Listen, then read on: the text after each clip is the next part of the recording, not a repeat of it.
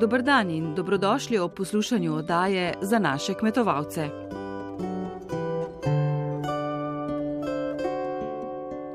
Minuli petek je na čelo kmetijskega ministrstva pričakovano stopil Jože Podgoršek, ki področje kmetijstva dobro pozna, saj je bil v tem mandatu na ministrstvu državni sekretar. V pogovoru za našo oddajo bo novi minister pojasnil, kakšen je njegov program dela. Jesen je sezona, ko pobiramo darove zemlje, med katerimi so tudi grozdje in buče. Z Brankom Repnikom, vinarjem in vinogradnikom, ki kmetuje na vinorodni legi Ritoznoj, se bomo ozrli na letošnjo letino grozdja in vina. Slavkom Petovarjem, direktorjem splošne kmetijske zadruge Ljutomer Križevci, pa bomo govorili o letošnji pridelavi buč in bučnega olja.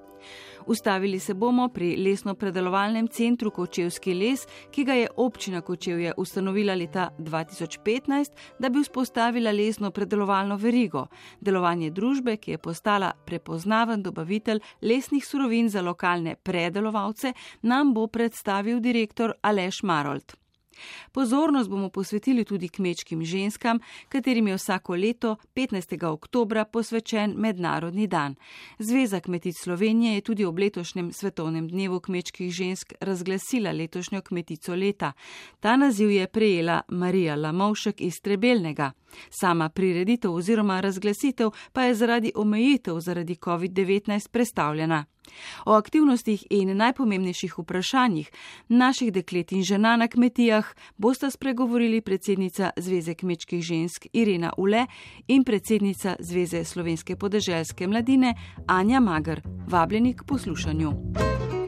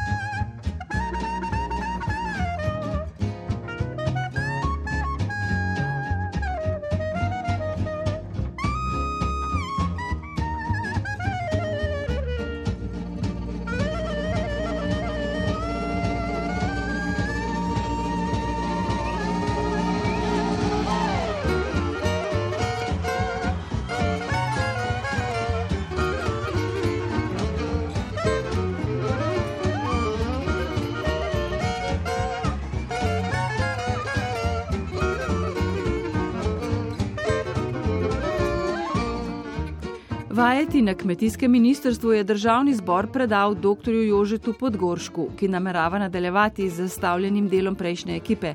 Njegov mandat bo trajal leto in pol, lahko pa tudi precej manj, če bi se tako odločila njegova stranka Desus na kongresu konec novembra.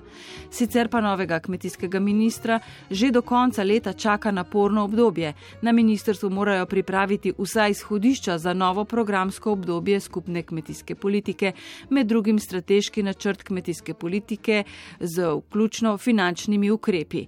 S socialnimi partnerji že sestavljajo programe za obnovo in razvoj po krizi COVID-19. Gre za vsebine ključne za krepitev sektorja, kot so razvoj in prenos znanja, vzpostavitev zbirno-skladiščnih centrov, ekoloških regij in podobno. In katere konkretne naloge na zakonodajnem delu želi Podgoršek izpeljati prednostno? V tem trenutku lahko rečem, da smo že v dosedanjem delu na ministrstvu pripravili, menim, da vsaj dva zakona do te mere, da bomo lahko še v letošnjem letu verjetno prišli že na vlado.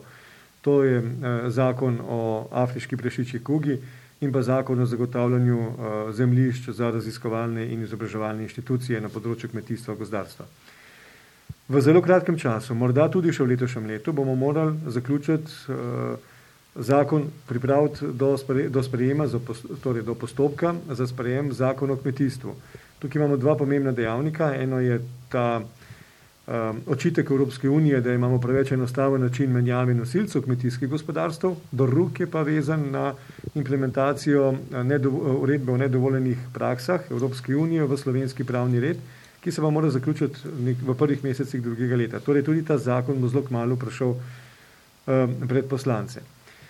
Izmed tega zakonodajnega dela naj omenim še, da smo že začeli delati že v dosedanjem delu tudi o, z zakonom o zadrugah, kjer se želimo na nek način povečati eh, odgovornost organov, članov organov zadruge, zato da bojo vsi razumeli, zakaj upravljajo zadrugo in da na nek način tudi odgovarjajo za delovanje tiste zadruge, torej tudi nadzorni in uh, ostali torej organi ne, v sami, in upravni organi v samih zadrugah. Um, seveda je pa še vedno ključno vprašanje, ki ste ga tudi vi načela, ne, zemljiška zakonodaja. Zemljiška zakonodaja, po mojem mnenju, glede na to, da na enem delu iščemo uskladitve že leto in pol in da pa je večji del tega zakona praktično usklajen, usklajen nekako sprejemljiv za večino deležnikov, Sloveniji pač verjetno ni nobene rešitve sprejemljiva za vse, ampak vsaj v nekem delu pa imamo zadevo sprejemljivo za večino deležnikov, bomo poskušali iti vsaj s tem delom zakona v sprejem, pripraviti torej dvofazno obliko sprejema te zakonodaje zemljiške, in v tem času, ko se bo prvi paket sprejemal, peljati intenziven dialog v tem ključnem delu, kaj je z državnimi zemljišči pri največjih zakupnikih, um, kako uravnavati politiko zakupov v bodoče pri državnih zemljiščih. Tukaj pa vendarle moramo razumeti, da si želimo graditi predvsem verige, tudi sicer verige vrednosti in da kmetje, zadruge, eh, živilsko predelovalna podjetja, trgovci, na nek način moramo biti partnerji, In zato je to področje toliko bolj občutljivo, ker v tem sprejemu te zakonodaje ne smemo skregati posameznih deležnikov. Ne. Letos v času COVID-a, eh, v mesecu maju, veste, da je, bila, je bil mesec maj, mesec slovenskega mleka, kjer so vsi deležniki, od kmetov, zadrug, živilsko-predelovalnih podjetij in trgovcev stopili skupaj. In tako poceni, kot smo v mesecu maju kupovali nekatere mlečne izdelke, jih nismo najprej, pa verjetno še nekaj časa ne bomo. Ampak vsi so prispevali z zniževanjem marš, cen in tako naprej, k temu, da je bil na koncu rezultat takšen, kot je bil. In to je tudi, zelo iskreno povemo, ne, rešilo mlečni sektor v naši državi, ker bi drugače zelo je bil tveganje, da bi celo kakšen liter mleka postal neprodan, torej neoduzet pri kmetiji, to tveganje je bilo res veliko. In s to akcijo, ko se je sektor povezal, smo praktično dosegli to, da kmetje, živnorejci, tisti, ki pridelujejo uh, mleko, razen nihaja v ceni, praktično ne vejo, da je bila korona kriza. In to je tisto, kar moramo graditi naprej. Zemljiška zakonodaja je v tem delu zelo občutljiva, ker se ker zna na nek način vplivati tudi na odnose med vsemi temi deležniki. Zato je to, uh, menim, si moramo vzeti še čas za to razpravo. Ne smemo kar zaključiti, oziroma po politični poti zaključovati neke te zadeve, ker nam bo na koncu preneslo lahko tudi več škode, kot zgolj koristi z nek prerasporejanjem neke, nekih hektarov. Kmetje pričakujejo, da boste delali v njihovo korist, ampak po drugi strani še pa nimamo niti definicije, kdo je pravi kmet, kaj je kmetijsko gospodarstvo. Kako boste uh, šli naprej? Ja, vemo, da kmetje pričakujejo, da bomo delali predvsem v njihovo korist. Enako pričakujejo živilsko predelovalna podjetja, enako pričakujejo praktično vsi deležniki v našem kmetijskem sektorju. Um, zato je tukaj vedno potrebno iskati tisto uravnilovko. Jaz si predvsem želim, predvsem želim, da bi znali tudi kmetje stopiti skupaj, kljub temu, da nimamo definicije, kdo je kmet. Vemo pa, da tisti, ki pridelujejo hrano, da želimo, da stopijo skupaj, da se povežejo, bodi si okrog zadružnega sistema in tako naprej, in da tudi s tem povečajo svojo pogajalsko moč in tudi s tem lahko vplivajo na drugačne cene pridelkov, izdelkov, karkoli že na teh kmetijskih gospodarstvih. Damo primer goveje meso. Govedina v Sloveniji, eh, oziroma žive živali, so v Sloveniji še vedno pod ceno, iz iz, pod, se prodajajo po nižji ceni, kot se je to dogajalo pred COVID-om. V Evropski uniji so danes v večini držav že praktično na cenah iz, leta, iz leta 2019, torej so se cene popravile. V Sloveniji so še niso. Morda je del krivde tudi na tem, da smo sektorju pomagali s tistim prvim nadomestilom. Naj omenim, da bo do konca letošnjega leta izplačeno tudi nadomestilo in je že usklajeno, že sprejeto na vladi. E, novo nadomestilo, enako kot je bilo takrat za mesece juni, julij, august in september.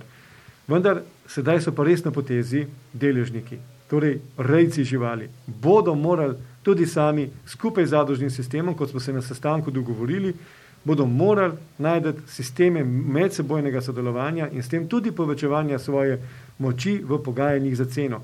Sektor, katerikoli, ne more dolgoročno živeti na podlagi zgolj državnih pomoči. E, kaj pričakujete, da bo najtežji del um, vaših nalog? Zagotovo bo najtrši oreh to, da bomo uspeli neke poglede ali naše misli, želje unesti v naš kmetijski prostor. Torej, najdete načine, poiskati načine skupaj z deležniki, zato da bodo tudi deležniki, če hočete, tudi kmetje, prepoznali nekatere pristope po sodelovanju, po oblikovanju vodik, po pogodbenih uh, partnerstvih in tako naprej, da je to koristno za njih in da si nihče ne želi s tem uh, karkoli drugače spreminjati našo družbo. Ampak predvsem moramo deležnike pripraviti do tega, da se bomo vsi skupaj zavedali, da je tudi kmetijstvo na koncu posel. To vsi vemo, da je vsi delamo na koncu za neko dodano vrednost, za nek finančni rezultat.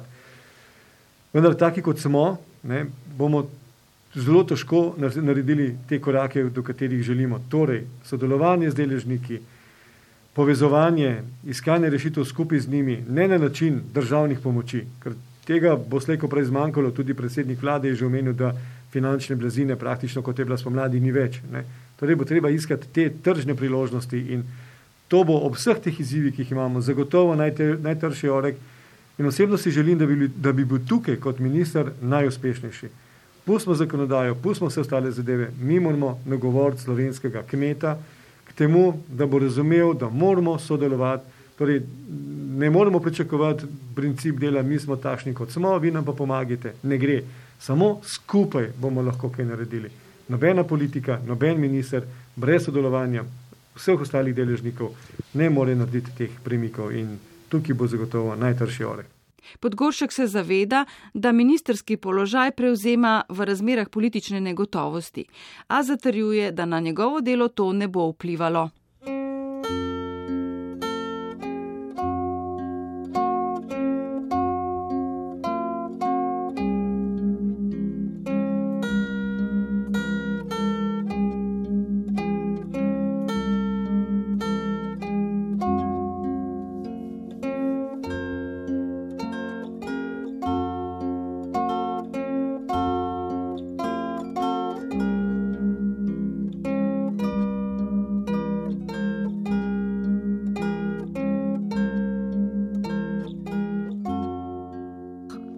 Vinorodne lege Ritoznoj so med desetimi svetovnimi najboljšimi absolutnimi vinogradniškimi legami.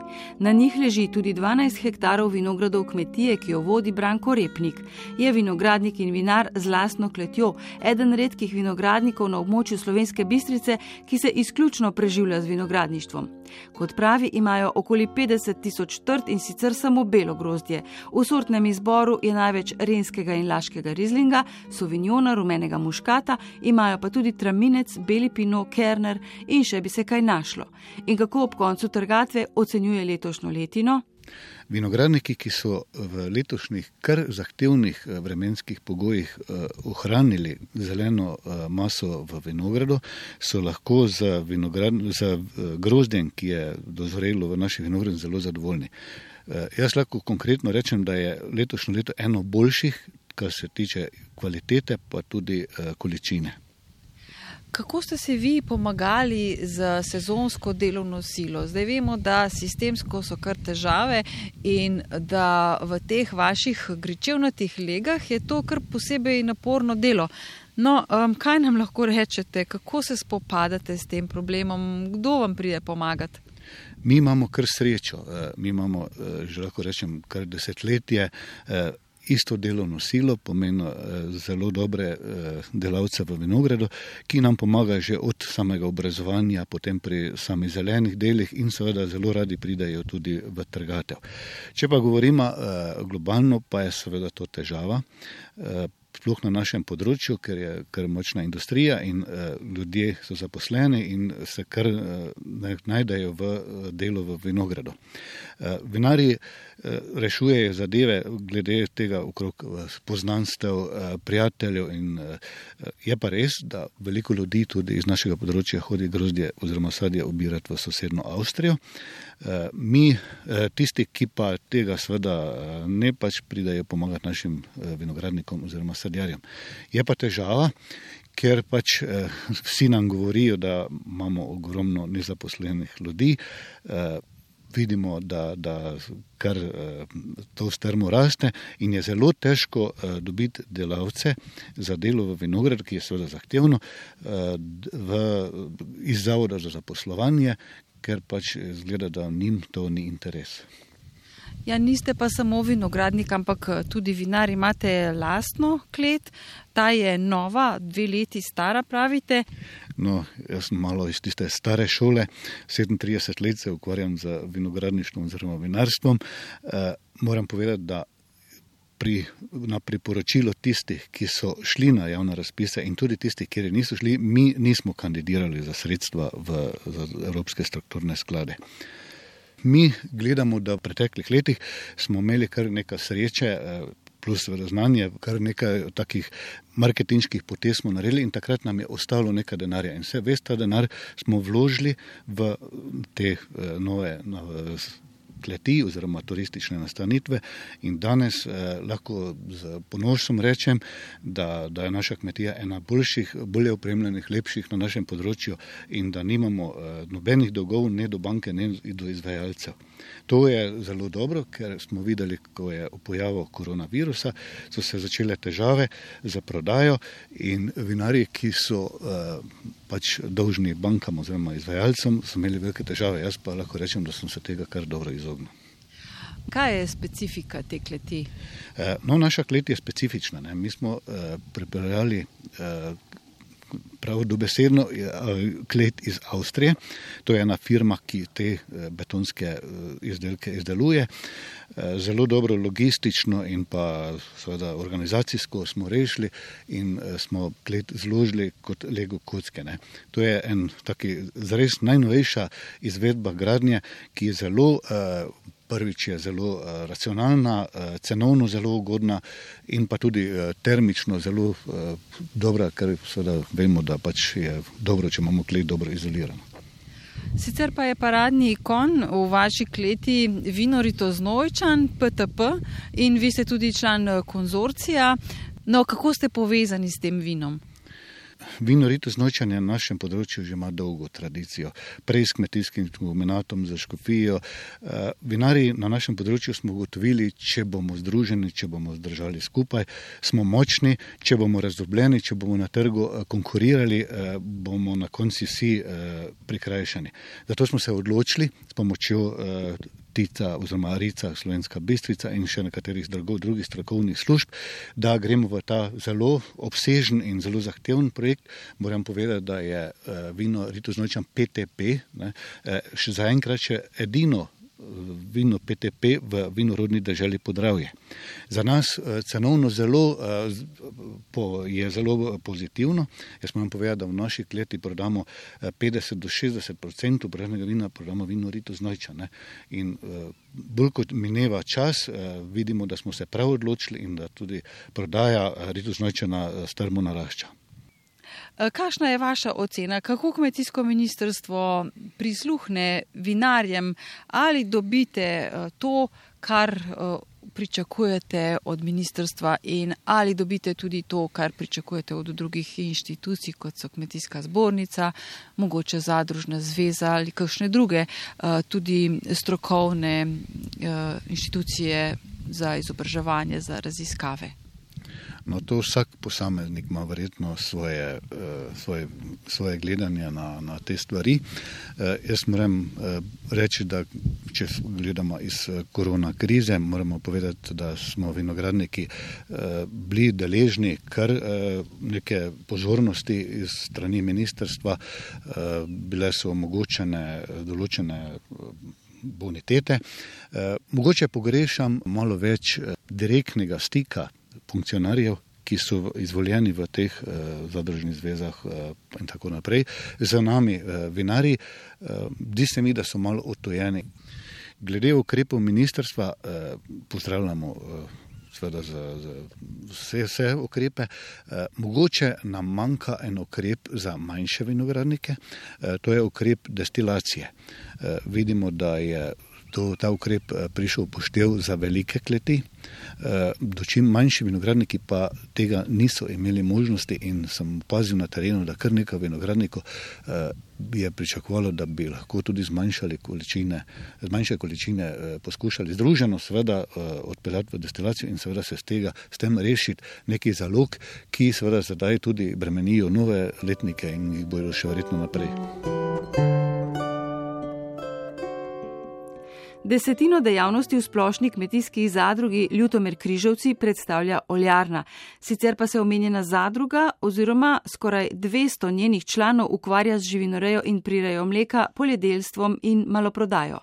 Dohodek iz poslovanja dosega 12 milijonov evrov. Lidija Kosi pa se je z direktorjem Slavkom Petovarjem pogovarjala zlasti o oljnih bučah in olju. Kot boste slišali, so bučna semena že posušena in čakajo na predelavo. Ja, res je, mi za potrebe naše oljarne vsako leto sofinanciramo in pa tudi peljamo eh, kooperacijsko proizvodnjo buč, bučnic, pravi oljnih buč. Letos smo sklenili okrog 210 hektarov pogodb z 80 predelovalci in v zadnjem tednu v avgustu se je začelo pobiranje buč, ki je trajalo nekako tri tedne. Buče so posušene in so že v skladišču, čakajo na predelavo. Skupaj smo odkupili okrog 230 ton mokrih buč, eh, ki smo jih potem v naši sušilnici posušili, nekako je splenje okrog polovice, tako da nekje okrog 120 eh, ton eh, suhih semen sedaj čaka na predelavo v bučno olje. Tega olja pa eh, naredite približno 50 tisoč eh, litrov bučnega ne? in eh, potem še nekaj solatnega. Ja, res je, naša oljarna v Ključarovcih ima kapaciteto 200 tisoč litrov letno, trenutno smo tam na kar 80% naše kapacitete, predelamo nekje 50 tisoč litrov bučnega olja in pa okrog 120 tisoč litrov solatnega. Kakšna pa je eh, letošnja letina buč? Ste zadovoljni? Je tako dobra kot recimo koruza? No, letošnje leto je bilo najprej zelo ugodno za setev bučnic. Eh, tiste spomladanski čas je bil eh, prav primeren za hiter vznik buč. Še enkrat več se je pokazalo, da je zgodnja setev buč ključnega pomena za višji pridelek in pa tudi na koncu za kakovost pridelka. Pri nas sta pomembna dva parametra. Pomembno je, kakšen je eh, pridelek mokrih semen in pa seveda potem tudi izplen pri sušenju in pa potem kakšen je izplen v oljarni, sprej koliko semena porabimo za eh, liter bučnega olja in analize, ki jih delamo, kažejo, da so zgodnejše setve boljše. Letos je bilo to zelo ugodno, moče smo se celo preveč nekako že eh, zamišljali, da bo letina idealna, vendar močne oziroma pogoste padavine čez poletje pa so pač naredile svojo in del eh, oprašitve ni potekal na takšen način, kot smo si želeli. Potem je bilo tudi še nekaj bolezni več prisotnih zaradi padavin škodljivcev in potem lahko nekako počrto rečemo, da je letošnje leto bilo za pridelavo oljnih buč bistveno boljše od lanskega leta. In del, če bi ga nekako ocenjeval, je bilo eno dobro povprečno leto. Pa mogoče še beseda dve o prodaji olja. Vi delate certificirano štajersko prekmursko bučno olje, prodate ga pa tako kot tudi solatnega v glavnem doma.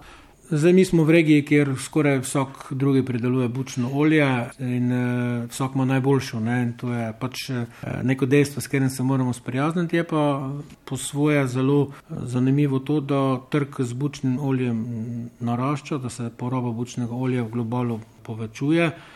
kar recimo deset let nazaj ni bil slučaj.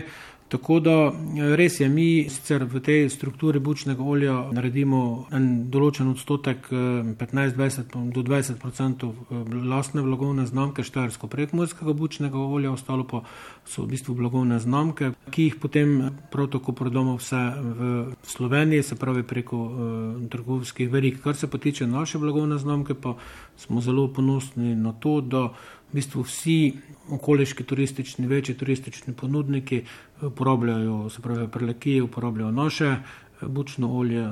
Zelo pač želimo biti najprej lokalno prisotni, eh, potem pa seveda tudi širše. Je tudi med pridelovalci dovolj interesa, ker pogodbe podpisujete vnaprej?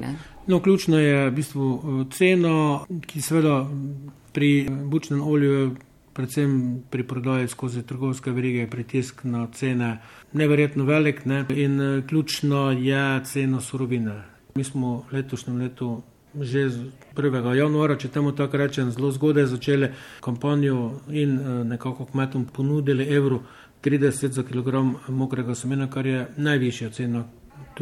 Nekako smo ocenili, da za to ceno še ob dobrih pridelkih in pa ob dobri kakovosti lahko pridemo skozi. Ne na zadnje smo pa mi zadruga, Pri nas je pomembno, da se tudi zadružno obnašamo, torej če naši zadružniki, naše kmetje dobijo kak cent več, pa mi na koncu ne naredimo voljarne eh, dobička, zato zadruga ne na zadnje tudi ni, da bi proizvalo neke ekstra dobičke, smo potem lahko vsi zadovoljni in ta dolgoročnost eh, se zagotovo lahko potem z leti dobrega sodelovanja izkaže kot pozitivno.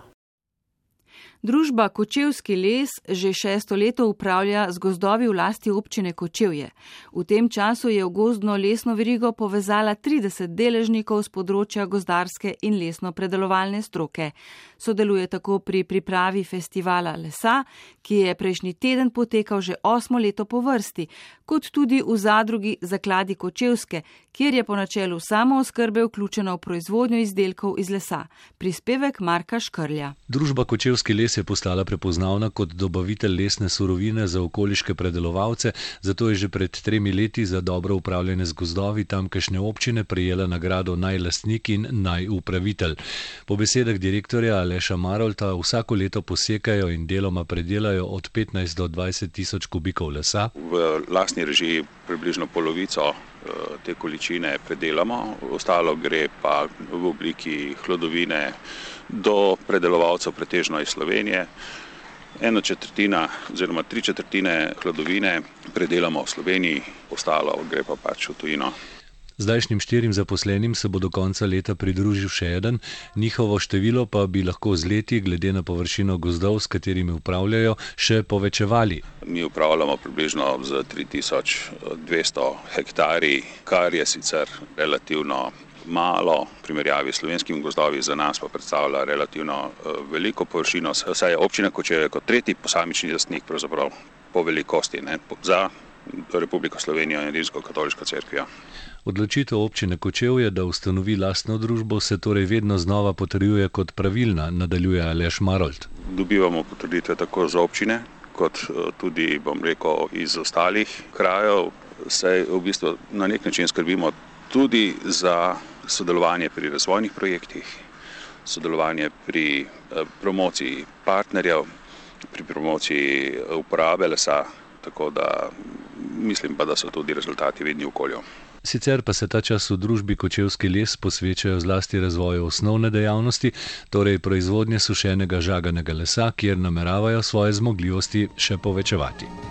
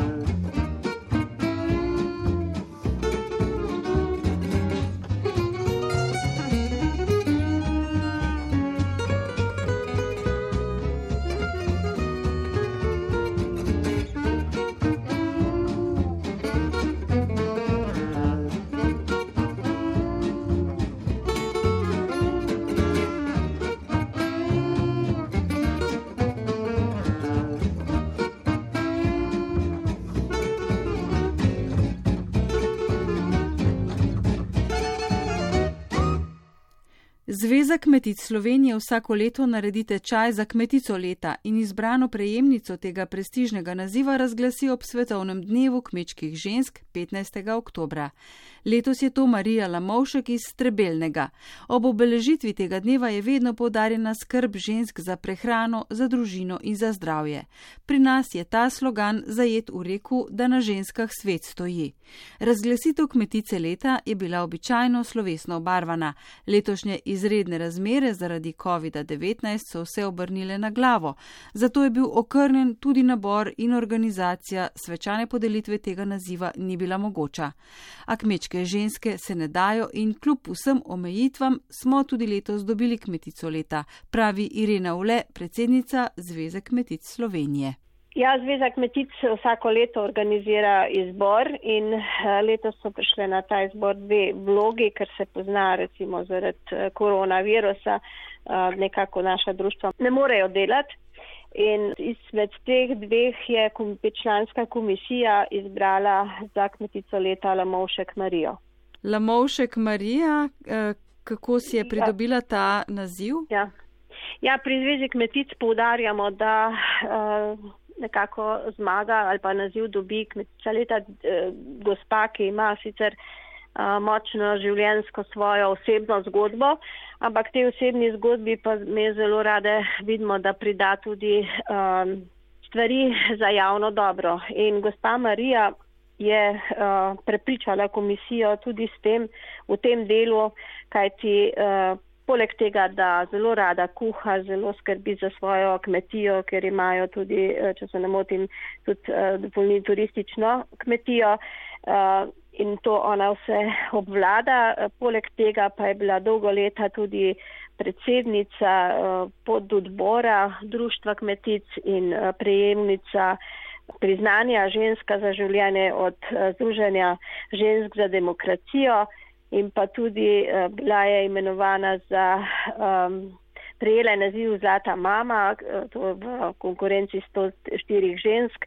Skratka, je taka, ki uh, poleg svojega dela posveča svojo energijo in čas uh, za javno dobro in kar, za kar je tudi bila že nagrajena in uh, to je tudi našo komisijo prepričalo, da je za malenko zboljša od druge. Gospa Marija Lamovšek, ki čestitamo za prestižen naziv, dviguje moralo in samozavest kmečkih žensk in promovira podeželje na vzven, dela na zbliževanju podeželja z meščanstvom in je ena od izjemno sposobnih žensk. Druga letošnja nominiranka je bila prav tako zelo aktivna Valentina Brlec iz Društva Tuhinske doline. In kaj je za slovenske razmere z vidika mladih kmetic najpomembnejša tema, vprašanje, ki ga želijo urediti? Anja Mager, predsednica Zveze slovenske podeželske mladine Slovenije, pravi takole. Torej, kljub dejstvu, da odstotek mladih prevzemnic v Sloveniji počasi narašča, je le ta še vedno alarmantno nizek. Skolj 20% kmetij je namreč v lasti mladih kmetic. Sedaj razlogov, zakaj je ta odstotek tako nizek, je sigurno in zagotovo več, izstopa pa predvsem dejstvo, da so mlade prevzemnice zelo gospodarne in trajnostno razvijajo kmetije in ob vsem tem delu morajo vzgajati otroke in skrbeti za celotno družino. In to je hkrati tudi največji izziv, saj veliko žensk na kmetijah še vedno nima zagotovljene osnovne socialne varnosti. Niso zavarovane, in tudi če so zavarovane, kljub porodniški in bolniški, še vedno upravljajo delo na kmetiji. Zagotovo je za mlade kmetice priložnost, kakršna koli dopolnilna dejavnost, ampak potrebno je urediti osnovno socialno varnost kmetic in to ne mudoma in predvsem celovito. V Sloveniji igrajo ženske na kmetijah ključno vlogo. Pri nas namreč del žensk, ki so kot nosilke in družinski član udeležene pri delu na kmetijskih gospodarstvih, znaša 48 odstotkov, kar je više od poprečja Evropske unije.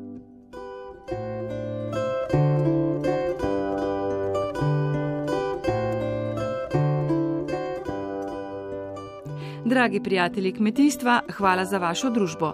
Odajo za naše kmetovalce smo pripravili Lidija Kosi, Marko Škrl in Jrnej Kadrolec, ki sem jo tudi uredila. Glasbo je izbral Matej Jevnišek, za zvočno podobo je poskrbel Vladimir Jovanovič. Odaje za naše kmetovalce so tudi na spletnem portalu radio1.rtvslo.si, v arhivu oddaj na portalu MMC in na aplikaciji za podkaste. Lepo popovdne in srečno! thank you